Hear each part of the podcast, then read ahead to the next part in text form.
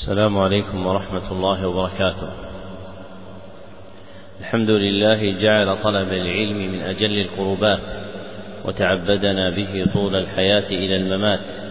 وأشهد أن لا إله إلا الله وحده لا شريك له وأشهد أن محمدا عبده ورسوله صلى الله عليه وسلم ما عقدت مجالس التعليم وعلى آله وصحبه الحائزين مراتب التقديم أما بعد فهذا هو الدرس السادس في شرح الكتاب الأول من برنامج التعليم المستمر في سنته الأولى وهو كتاب تذكرة السامع والمتكلم للعلامة محمد بن إبراهيم بن جماعة رحمه الله. ويتلوه شرح الكتاب الثاني وهو كتاب بلوغ القاصد جل المقاصد للعلامة عبد الرحمن بن عبد الله البعلي ويتلوه شرح الكتاب الثالث وهو فتح الرحيم لعلامة عبد الرحمن بن سعدي. وقد انتهى بنا القول في الكتاب الأول في الفصل الأول منه في تعداد آداب العالم في نفسه إلى قول المصنف العاشر دوام الحرص. نعم. أحسن الله إليك. بسم الله الرحمن الرحيم. الحمد لله رب العالمين وصلى الله وسلم وبارك على عبده ورسوله نبينا محمد وعلى آله وصحبه أجمعين. اللهم اغفر لنا ولشيخنا وللحاضرين ولجميع المسلمين. قال المؤلف رحمه الله تعالى العاشر دوام الحرص على الازدياد بملازمة الجد والاجتهاد والمواظبة على وظائف الأوراد من العبادة والاشتغال والإشغال قراءة وإقراء ومطالعة وفكرا وتعليقا وحفظا وتصنيفا وبحثا. ولا يضيع شيئا من أوقات عمره في غير ما هو بصدده من العلم والعمل إلا بقدر الضرورة من أكل أو شرب. أو نوم أو استراحة لملل أو أداء حق زوجة أو زائر أو تحصيل قوت وغيره مما يحتاج إليه أو لألم أو غيره مما يتعذر معه الاشتغال فإن بقية عمر المؤمن لا قيمة له ومن استوى يوماه فهو مغبون. وكان بعضهم لا يترك الاشتغال لعروض مرض خفيف أو ألم لطيف بل كان يستشفي بالعلم ويشتغل بقدر الإمكان كما قيل إذا مرضنا تداوينا بذكركم ونترك الذكر إجلالا فننتكس. أحيانا. هذا غلط اللي أثبته. أحيانا. هذه أثبتها في الحاشية قال أحيانا. الصواب أحيانا. إذا مرضنا تداوينا بذكركم ونترك الذكر أحيانا فننتكس وذلك لأن درجة العلم درجة وراثة الأنبياء ولا تنال المعالي إلا بشق الأنفس. وفي صحيح مسلم عن يحيى بن أبي كثير قال لا يستطاع العلم براحة الجسم. وفي الحديث حقت الجنة بالحفت الجنة بالمكاره. وكما قيل ولا بد دون الشهد من إبر النحل. وكما من إبر النحل. ولا بد دون الشهد من إبر النحل. وكما قيل لا تحسب المجد تمرا أنت آكله لا تبلغ المجد حتى تلعق الصبرا وقال الشافعي رضي الله عنه حق على طلبة العلم بلوغ غاية جهدهم في الاستكثار من علمه والصبر على كل عارض دون طلبه وإخلاص النية لله تعالى في إدراك علمه نصا واستنباطا والرغبة إلى الله تعالى في العون عليه. فقال الربيع لم أرى الشافعي رضي الله عنه آكلا بنهار ولا نائما بليل لاشتغاله بالتصنيف. ومع ذلك فلا يحمل نفسه فوق طاقتها كي لا تسأم وتمل. فربما نفرت نفرة لا يمكنه تداركها بل يكون أمره في ذلك قصدا وكل إنسان أبصر بنفسه. ذكر المصنف رحمه الله تعالى أدبا عاشرا من آداب العالم في نفسه ومراعاته طالبه ودرسه وهو دوام الحرص على الازدياد بملازمة الجد والاجتهاد فيما هو مقبل عليه من العمل والعلم. وأشار المصنف رحمه الله تعالى إلى العمل بقوله والمواظبة على وظائف الأوراد من العبادة وأشار إلى العلم بقوله والاشتغال والاشتغال قراءة وإقراء ومطالعة. والاشتغال والإشغال يطلقان عند أهل العلم رحمهم الله تعالى يريدون بهما ممارسة العلم والتعليم ولذلك تجد في التراجم وكان يشتغل في المدرسة الصالحية أو غيرها من مدارس الأوقاف السابقة ومرادهم بالاشتغال إقباله على تعليم الخلق ودوام التعلم. وهذه هي الحال التي ينبغي أن يكون عليها العبد. ذلك أن الله سبحانه وتعالى أمر رسوله صلى الله عليه وسلم أن يسأله الزيادة من شيء واحد وهو العلم كما قال تعالى وقل رب زدني علما وكفى بالعلم شرفا أن النبي صلى الله عليه وسلم لم يؤمر بسؤال ربه الزيادة من شيء إلا من العلم كما ذكر هذا المعنى أبو محمد سفيان بن عيينة رحمه الله تعالى. ومقتضى سؤال الزيادة أن يديم العبد حرصه على تلمس العلم وطلبه قراءة وإقراء ومطالعة وفكرا وتعليقا وتصنيفا وتأليفا وبحثا وتعليما وأن يحفظ وقته فلا ينفقه في غير هذا المطلب العظيم لأنه وراثة النبوة. وإذا كانت هذه الدرجة هي درجة وراثة النبوة كما أشار المصنف رحمه الله فإنه ينبغي أن ينفق العبد قوته وقوته ووقته في التماسها وطلبها ولا يصرف شيئا من وقته إلا في ضرورة مقتضية أو حاجة داعية. كما ذكر المصنف رحمه الله تعالى مثلا منها فقال إلا بقدر الضرورة من أكل أو شرب أو نوم أو استراحة لملل أو أداء حق زوجة أو زائر أو تحصيل قوت وغيره مما يحتاج إليه أو لألم أو غيره مما يتعذر معه الاشتغال. فإذا ورد على العبد ضرورة مقتضية أو حاجة داعية ترك ما هو فيه من شغل بالعلم لأجله. فإذا انفك عنه رجع إلى الاشتغال بالعلم. وعلة ذلك ما ذكره المصنف بقوله فإن بقية عمر المؤمن لا قيمة له ومن استوى يوماه فهو مغبون لأن عمر المؤمن ينبغي أن يكون معمورا بأداء حق الله وحق خلقه وأعظم ما يتعلق به تحصيل حق الله وحق خلقه هو العلم. فإن الإنسان إذا كان له علم أمكنه ذلك من أداء ما فرض الله عز وجل عليه من حقه سبحانه وتعالى وحق خلقه.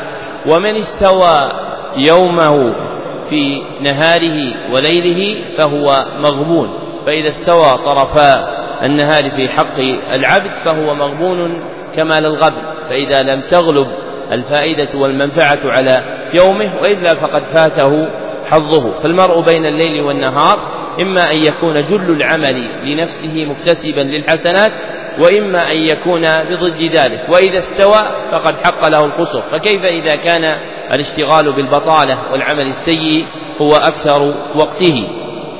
ثم ذكر رحمه الله تعالى أن بعضهم كان لمزيد محبته للعلم والتماسه له لا يترك الاشتغال لعروض مرض خفيف أو ألم لطيف بل إذا ورد عليهم شيء من هذه الآلام فصبروا وتجلدوا لأنهم يرون أنهم في مقام مجاهدة وإنما يتميز المجاهدون بالصبر فإذا مرض الإنسان بوعكة يسيرة ومرض خفيف كان اللائق به أن يحمل نفسه على التجمل بالصبر في طلب العلم بل كان منهم ممن كملت حاله في التماس العلم يستشفي بالعلم ويشتغل بقدر الإمكان.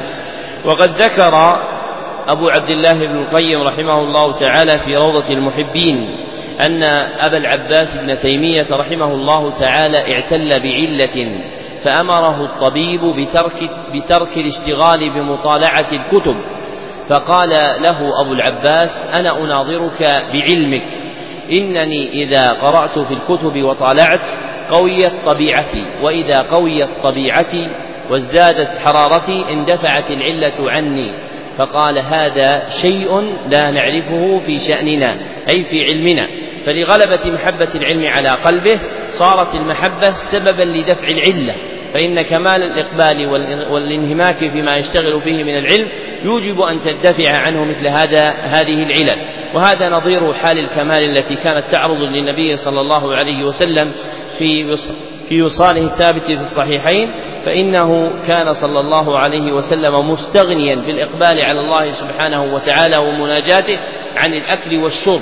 فمن حصل له شيء من هذا المعنى حصل له شيء من هذه القوة. وقد كان بعض أهل العلم رحمهم الله تعالى لغلبة الحال عليهم في الاشتغال بالعلم لا يحيطون بمن حولهم فربما خوطبوا أو نودوا أو حدثوا ثم لا ينصرفون عما هم به من انشغال في العلم وربما أحضر لهم الطعام وبقي مدة عندهم لم يصيبوا منه شيئا لكمال الاشتغال بالعلم رحمهم الله تعالى. وإنما يعلل هذا كما ذكرنا آنفا أن محبة الشيء والانهماك فيه والإقبال عليه يوجب للنفس قوة تشغل بها النفس عن مطالبها ومن تلك المطالب الصحة لمن حل به علة أو مرض. وأورد المصنف رحمه الله تعالى في ذلك بيت أبي بكر الشبلي أحد أعيان المتصوفة ممن عظم قدره في علم الإشارات كما ذكروا أن من عجائب بغداد إشارات أبي بكر الشبلي. فإنه أشارها هنا إلى أثر ذكر الله سبحانه وتعالى في دفع علة المرض فقال إذا مرضنا تداوينا بذكركم ونترك الذكر أحيانا فننتكس وهذا موجود في كلام جماعة من السلف. كما قال مكحول الشامي رحمه الله تعالى ذكر الله دواء ذكر الله شفاء وذكر الناس داء. وقال عبد الله بن عون رحمه الله تعالى ذكر الله دواء وذكر الناس داء. فإذا غلبت محبة ذكر الشيء على القلب أوجبت له مداواة كما أن العلم يوجب هذه القوة لمن كان محبا له وحلت به علة من هذه الأدوية. ثم ذكر المصنف رحمه الله تعالى أن درجة العلم وهي وراثة الأنبياء لا تنال إلا بمثل هذا. ذلك أن الأمور العظيمة لا تؤخذ إلا بالأحوال العظيمة. فالمطالب العليا للنفوس إنما تنال بقدر عظيم مما ينفقه الإنسان في طلبها. كما قال المصنف ولا تنال المعالي إلا بشق الأنفس. وفي حديث معاذ بن جبل رضي الله عنه المخرج عند الترمذي وابن ماجه أن النبي صلى الله عليه وسلم قال له لما سأله عن عمل يقربه من الجنة ويبعده عن النار قال لقد سألت عن عظيم وإنه ليسير على من يسره الله عليه. ومن جملة هذا العظيم طلب العلم فقد دلت الشريعة كتابا وسنة وإجماعا وعقلا وفطرة على تعظيم العلم المتلقى فيها. ولا ينال هذا العلم إلا بشق الأنفس ولكن الله عز وجل ييسره على من صدقت نيته في طلبه. ولذلك فليس مدار الأمر في طلب العلم أن تكون ذا قوة في فهمك أو حفظك ولكن مدار الأمر أن تكون صادقا في طلبك. فإنه مع الصدق يحصل من العون والمدد والغوث والتوفيق ما لا يحصله الإنسان بقوته وجهده وكدحه وطلبه. فكم من إنسان يكدح طلبا للعلم ليلا ونهارا ولكنه مسلوب التوفيق. ومن أعظم الحرمان سلب التوفيق. ومن أعظم الإعانة التيسير للتوفيق.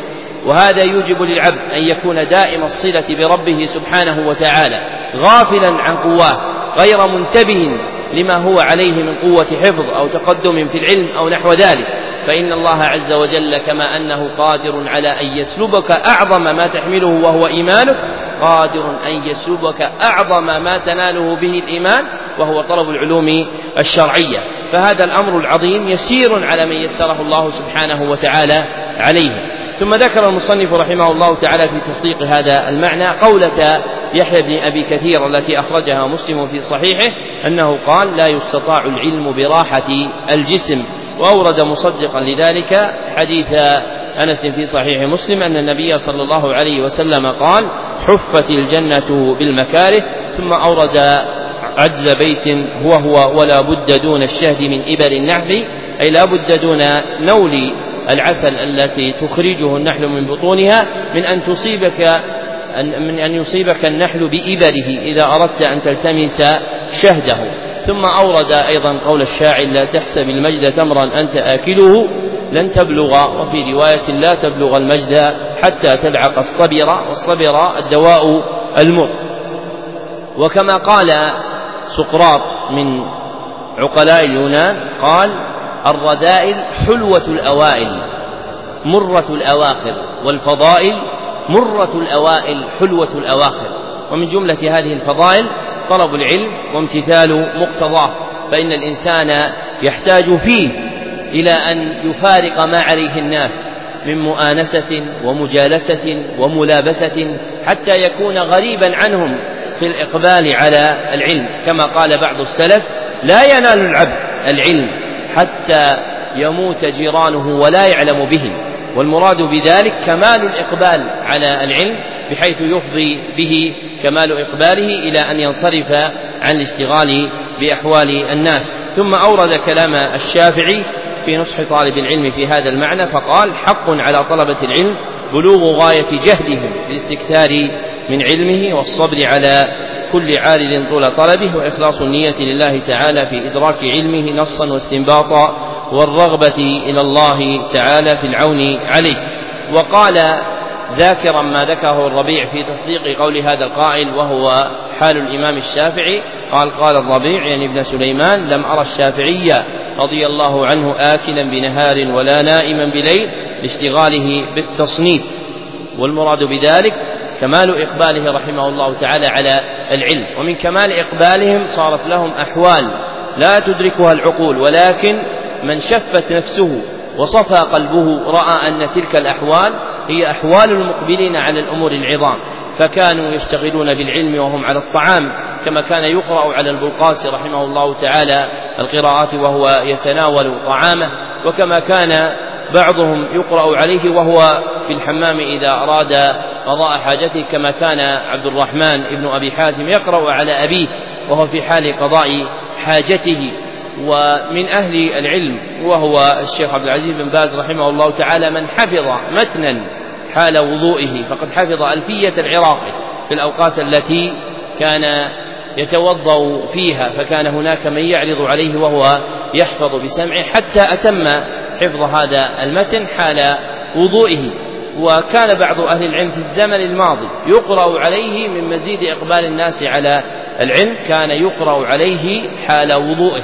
ذلك أنه شهوتهم كذلك أن شهوتهم للعلم كانت عظيمة فكانت تستغرق أوقاتهم مع ضعف العدة ومزيد الحاجة والعوز وفقدان الكتب ومع ذلك كانت رغبتهم في العلم عظيمة. أما اليوم فقد تبدل الحال فتهيأ للناس من أنواع العدد والآلات ما يعينهم على العلم لو صدقوا في طلبه لكن شهوتهم للعلم ضعفت فضعف أخذهم له. ثم نبه المصنف رحمه الله تعالى إلى قاعدة جليلة فيما ينبغي أن يراعيه العبد باشتغاله بالعلم فقال ومع ذلك فلا يحمل نفسه فوق طاقتها كي لا تسأم وتمل فربما نفرت نفرة لا يمكن تداركها بل يكون أمره في ذلك قصدا وكل إنسان أبصر بنفسه. وهذا المعنى أشار إليه ابن الجوزي رحمه الله تعالى في صيد الخاطر ومثل القلوب بالأبدان فإن للأبدان قوا مختلفة فمن الأبدان من يستطيع صاحبه أن يحمل ثقلا لا يستطيع غيره أن يحمله وكذلك القلوب لها قوى متفاوتة فإن ما يستطيعه فلان غير ما يستطيعه فلان باعتبار ما يفتح الله عز وجل عليه وباعتبار ما يروض المرء نفسه عليه. فلا بد من مراعاة هذه الحال لئلا تفضي بالإنسان إلى السآمة والملل بل يكون وسطا مراعيا لحاله لئلا ينقطع في الطريق. وهذا الأمر يختلف من إنسان إلى إنسان كما قال المصنف رحمه الله تعالى وكل إنسان أبصر بنفسه فمن الناس من يقدر على الاشتغال بالعلم خمس ساعات ومنهم من يستطيع أن يشتغل بالعلم عشر ساعات ومنهم من يستطيع دون ذلك أو فوق ذلك بحسب ما يهيئ الله عز وجل لهم من القوة. لكن من المقطوع به أن من صدق النية وراض نفسه على طلب العلم لا يزال يتزايد به أمره حتى يغلب العلم عليه تعلما وتعليما.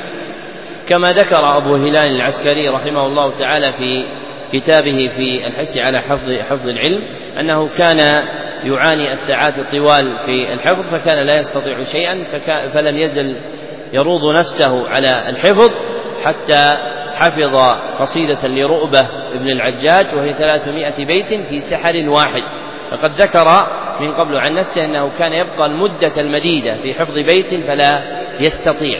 فإذا راض الإنسان نفسه على العلم لا يزال العلم يتزايد به حتى يغلب عليه. لكن السير المقتصد ومعرفة الطريق توصل الإنسان إلى مطلوبه. كما أن الجهل بالطريق والمقصود وآفات والمقصود وآفاته يوجب على الإنسان الانقطاع فيه. نعم. صلى الله عليك الحادي عشر أن لا يستنكف أن يستفيد ما لا يعلمه ممن من من ممن هو دونه منصبا أو نسبا أو سنا بل يكون حريصا على الفائدة حيث كانت والحكمة ضالة المؤمن يلتقطها حيث وجدها. قال سعيد بن جبير لا يزال الرجل عالما ما تعلم فإذا ترك التعلم وظن أنه قد استغنى واكتفى بما عنده فهو أجهل ما يكون. وأنشد بعض العرب وليس العمى طول السؤال وإنما تمام العمى طول السكوت على الجهل وكان جماعة من السلف يستفيدون من طلبتهم ما ليس عندهم. قال الحميدي وهو تلميذ الشافعي. صحبت الشافعي من مكة إلى مصر فكنت أستفيد منه المسائل وكان يستفيد مني الحديث. وقال أحمد بن حنبل قال لنا الشافعي أنتم أعلم بالحديث مني فإذا صح عندكم الحديث فقولوا لنا حتى آخذ به. وصح رواية جماعة من الصحابة عن التابعين. وأبلغ من ذلك كله قراءة رسول الله صلى الله عليه وسلم على أبي وأبي على أبي على أبي وقال أمرني, أمرني الله أن أقرأ عليك. لم يكن الذين كفروا قالوا من فوائده ألا يمتنع الفاضل من الأخذ عن المفضول. ذكر المصنف رحمه الله تعالى الأدب الحادي عشر من آداب العالم في نفسه وهو ألا يستنكف مستكبرا عن الاستفادة لما لا يعلمه ممن هو دونه في منصب أو نسب أو سن بل يكون حريصا على الفائدة حيث كانت. فالحكمة ضالة المؤمن يلتقطها حيث وجدها. ومن ظن أنه بلغ في العلم غايته فذلك علامة جهالته. فإن الإنسان لا يزال يخوض في بحار العلم ملتقطا درره حيثما, حيثما وجدت وكانت حتى يصل إلى مقصوده منه. فإذا كان هذا هو مدار الأمر عنده لم يستنكف عن أن يأخذ العلم من كل أحد. والأمر كما قال سعيد بن جبير لا يزال الرجل عالما ما تعلم. فإذا ترك التعلم وظن أنه قد استغنى واكتفى بما عنده فهو أجهل ما يكون. ذلك أن العلم بحر لا ساحل له وأن الله سبحانه وتعالى يفتح فيه ما شاء لمن شاء من خلقه. فقد يفهم الله سبحانه وتعالى أحدا من الخلق ما لم يفهم غيره. كما فهم الله عز وجل سليمان. ما فهم وصرف فهم ذلك عن أبيه داود عليهما الصلاة والسلام. ثم ذكر ما أنشده بعض العرب إذ قال وليس العمى طول السؤال وإنما تمام العمى طول السكوت على الجهل. وصدق رحمه الله تعالى فإن المرء لا يعاد عميا إذا طال سؤاله وكثر عما ينفعه وإنما يكون أعمى إذا طال سكوته على جهله.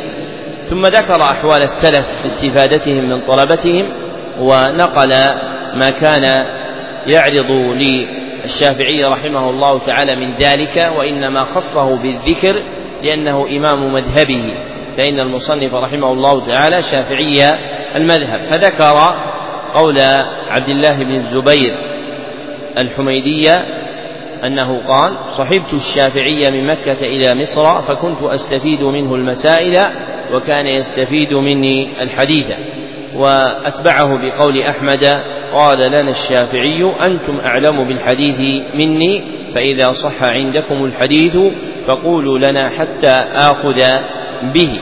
وصح رواية جماعة من الصحابة عن التابعين. وأفرد أبو الفضل ابن حجر رحمه الله تعالى كتابا في ذلك بين فيه ما ورد من رواية جماعة من الصحابة عن التابعين الذين هم دونهم. ثم ذكر ما هو أعظم من ذلك فقال وأبلغ من ذلك كله قراءة رسول الله صلى الله عليه وسلم على أبي فإن النبي صلى الله عليه وسلم هو أعلم الخلق بأداء القرآن وتلقيه وإنما أمرنا باتباعه صلى الله عليه وسلم في ذلك.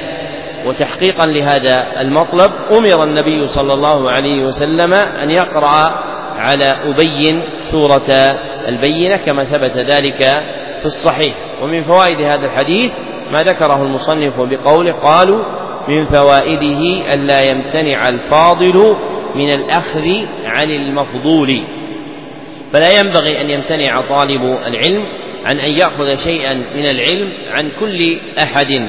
ولما كان السلف رحمهم الله تعالى يدركون أن اقتباس العلم المراد به هو الوصول إلى الله سبحانه وتعالى وامتثال أمره ابتغوا الفائدة عند كل أحد. فلم يكونوا يستنكفون أن يطلبوا العلم ولو كبرت أسنانهم عند أحد أصغر منهم. فإن جماعة من أصحاب النبي صلى الله عليه وسلم كانوا أكبر منه عمرا وصدقوه وآمنوا به والتمسوا العلم منه. وجل أصحاب النبي صلى الله عليه وسلم إنما ابتغوا العلم كبارا كما قال البخاري رحمه الله تعالى في كتاب العلم وتعلم أصحاب النبي صلى الله عليه وسلم كبارا لكن ثم تنبيهان اثنان يتعلقان بهذا الأمر.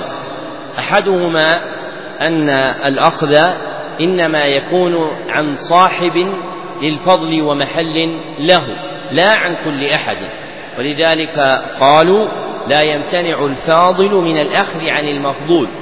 فالدون موصوف بالفضل. أما الخلي من الفضل فإنه لا يؤخذ العلم عنه.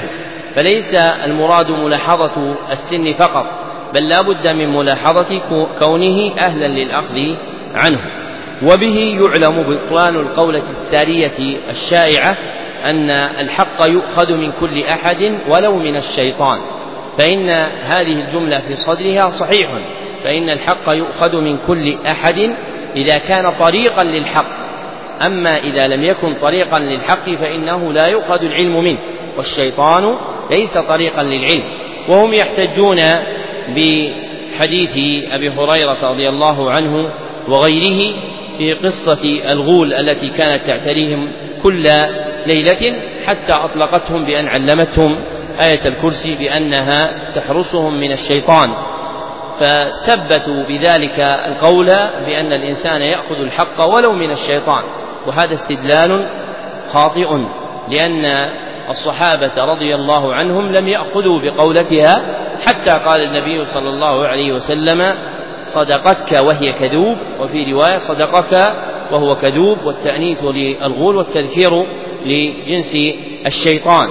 فلم يكن هذا علما إلا حيث ثبته النبي صلى الله عليه وسلم وصححه.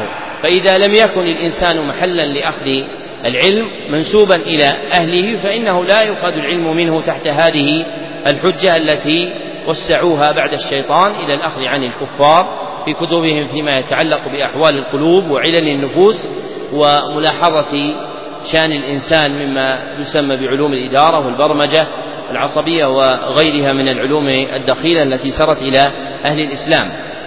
والأمر الثاني أن المقصود من هذا الأخذ هو طلب ما يحتاج إليه الإنسان لا مجرد التزيد فإن الإنسان لا ينبغي له أن يسعى في الاستكثار من الأشياخ لمجرد العدد وقد أجمع السلف قاطبة على كراهة ذلك وعده من التكاثر المذموم في قوله تعالى ألهاكم التكاثر فإن تكثير الشيوخ إنما يمدح إذا كان فيه زيادة.